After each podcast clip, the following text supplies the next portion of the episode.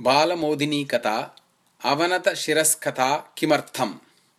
कश्चन महादाता आसीत् अपरा सम्पत्तिः आसीत् तस्य। अतः मुक्तहस्ततया दानं करोति स्म सः।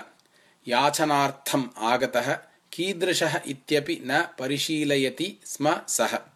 तस्य गृहम् आगतः याचः कोऽपि निराशतां न प्राप्नोति स्म कदाचिदपि किन्तु सः दाता सर्वदा अपि अवनतशिरस्कः एव भवति स्म। कदाचित् कश्चित् तम् अपृच्छत्। आर्य भवान् तु महादाता अस्ति। भवादृशः लोके कोऽपि नास्ति। एवं स्थिते अपि दानसमये भवता मुखं न उन्नीयते। एवं किमर्थम् इति। तदा दाता अवदत्। वस्तुतः दाता अन्यः एव अस्ति। सः अस्ति भगवान्। अहं तु निमित्तमात्रम् किन्तु जनाः मां दातारं वदन्ति अतः लज्जितः अहं शिरः उन्नेतुं न शक्नोमि इति